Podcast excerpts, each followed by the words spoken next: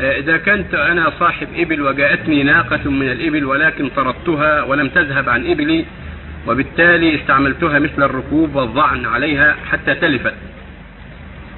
هذا لا يجوز لك ولو جاءت إلى إبلك عليك أن تطردها أو تسلمها لولي الأمر الأمير في بلدك أو القاضي المحكمة حتى تسلم من شرها.